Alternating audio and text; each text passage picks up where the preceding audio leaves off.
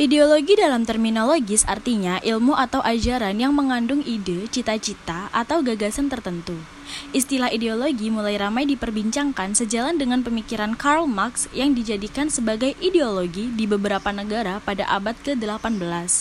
Dua ideologi besar ini digunakan oleh beberapa negara pasca Perang Dunia Kedua. Kapitalisme dalam perkembangannya menyerap unsur faham sosialisme.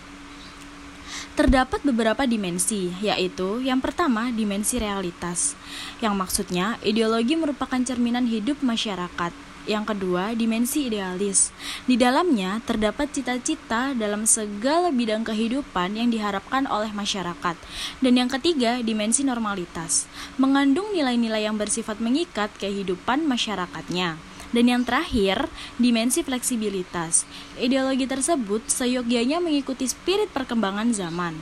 Ideologi mempunyai beberapa tipe, yaitu ideologi tertutup, ajaran dan filsafat yang menentukan tujuan-tujuan dan norma-norma politik dan sosial. Dan yang kedua, ideologi terbuka, berisi orientasi dasar. Tafsirannya merajuk ke dalam tujuan dan norma sosial politik yang bersifat fleksibel. Peranan ideologi bagi NKRI adalah sebagai dasar, ideologi tersebut menjadi asas, pondasi, pangkal tolak di atas semua kegiatan masyarakat. Sebagai pengarah, melalui norma dan aturan sebagai pengatur dan pengendali kehidupan masyarakat, berbangsa, dan bernegara. Sebagai tujuan, segala aktivitas dalam kehidupan masyarakat, berbangsa, dan bernegara.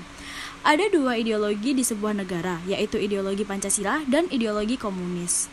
Ideologi Pancasila mema memandang bahwa manusia dilahirkan sebagai makhluk hidup dan makhluk sosial. Dan yang kedua, ideologi komunis dipelopori oleh Adam Smith menjadi acuan dasar kapitalisme yang klasik. Singkatnya, ekonomi adalah pasar dan pasar bebas bergerak sesuai dengan harapan dan keputusan individu.